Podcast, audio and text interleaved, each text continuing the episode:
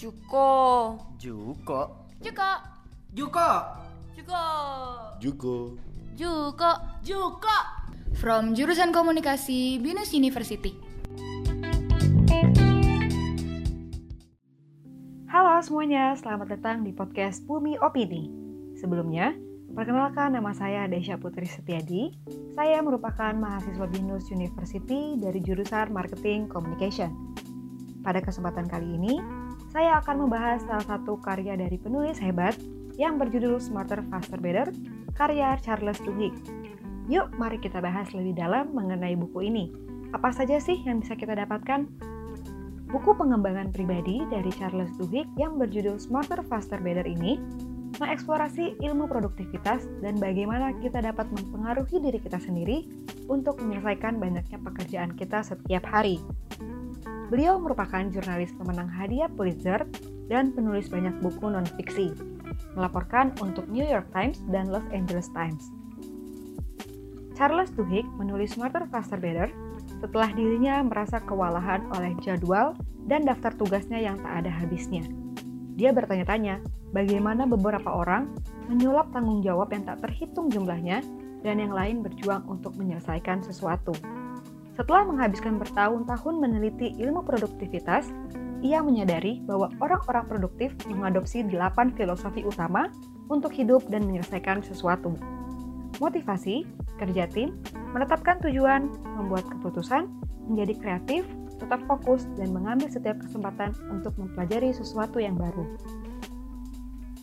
Smarter, Faster, Better mengeksplorasi delapan konsep kunci ini, mengamati bahwa kita semua dapat meningkatkan tingkat produktivitas kita jika kita mau.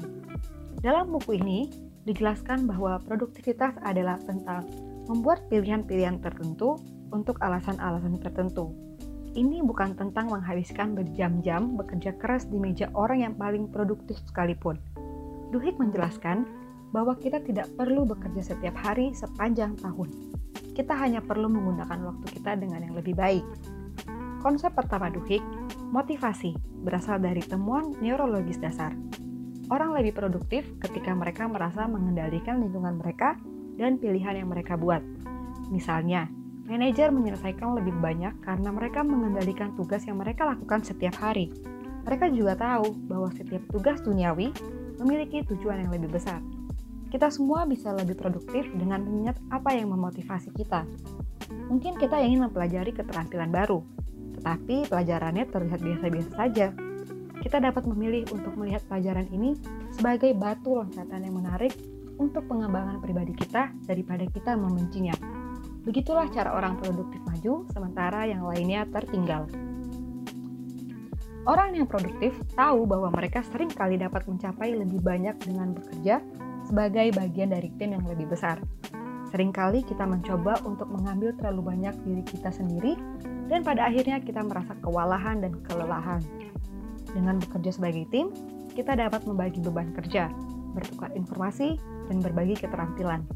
Beginilah misalnya, studio film, menulis, merekam, dan memproduksi film di bawah tekanan waktu yang sangat besar. Duhigg juga menyampaikan, kita juga harus menetapkan tujuan yang konkret. Dengan memecah tugas kita menjadi bagian yang lebih kecil dan mudah dikelola, kita dapat menyelesaikan daftar tugas dengan lebih cepat.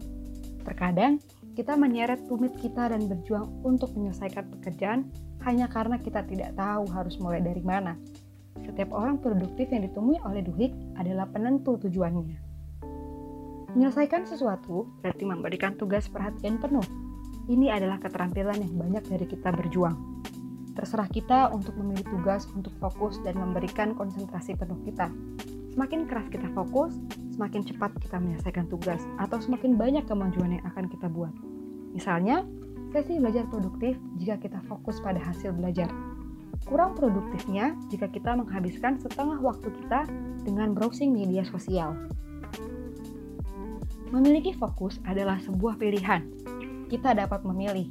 Misalnya, apakah kita akan merefresh kotak masuk kita terus-menerus atau menutup email kita selama satu jam untuk menyelesaikan tugas kita. Membuat keputusan ini membuat kita merasa memegang kendali. Gagasan tentang kendali ini terkait kembali dengan usulan Duhigg sebelumnya bahwa orang-orang produktif pada umumnya merasa mengendalikan lingkungan mereka. Duhik memahami bahwa banyak dari kita tidak memiliki kemewahan untuk memilih hari kerja kita sendiri. Namun, bahkan sesuatu yang sederhana seperti memilih kapan harus memeriksa email kita adalah sebuah keputusan. Kita semua dapat membuat lebih banyak keputusan setiap hari, membuat kita merasa lebih berdaya dan produktif. Orang menjadi produktif karena mereka telah memilih dirinya untuk menjadi orang yang seperti itu. Orang produktif sering kali kreatif, tidak hanya dalam arti artistik saja ya. Menjadi kreatif di sini berarti menggunakan ide-ide lama dengan cara yang baru, menggunakan intuisi kita, dan membuka diri terhadap pengalaman baru. Duhik mendorong kita untuk bangun dan menjauh dari layar komputer kita untuk membiarkan alam bawah sadar kita mengerjakan masalah kita. Kita lebih mungkin untuk menemukan solusi kreatif untuk suatu masalah jika kita memberi diri kita ruang untuk berpikir. Dan yang terakhir, Duhigg menegaskan bahwa orang yang produktif selalu mencari cara untuk memperluas pikiran mereka, mempelajari sesuatu yang baru, ataupun merencanakan tujuan baru.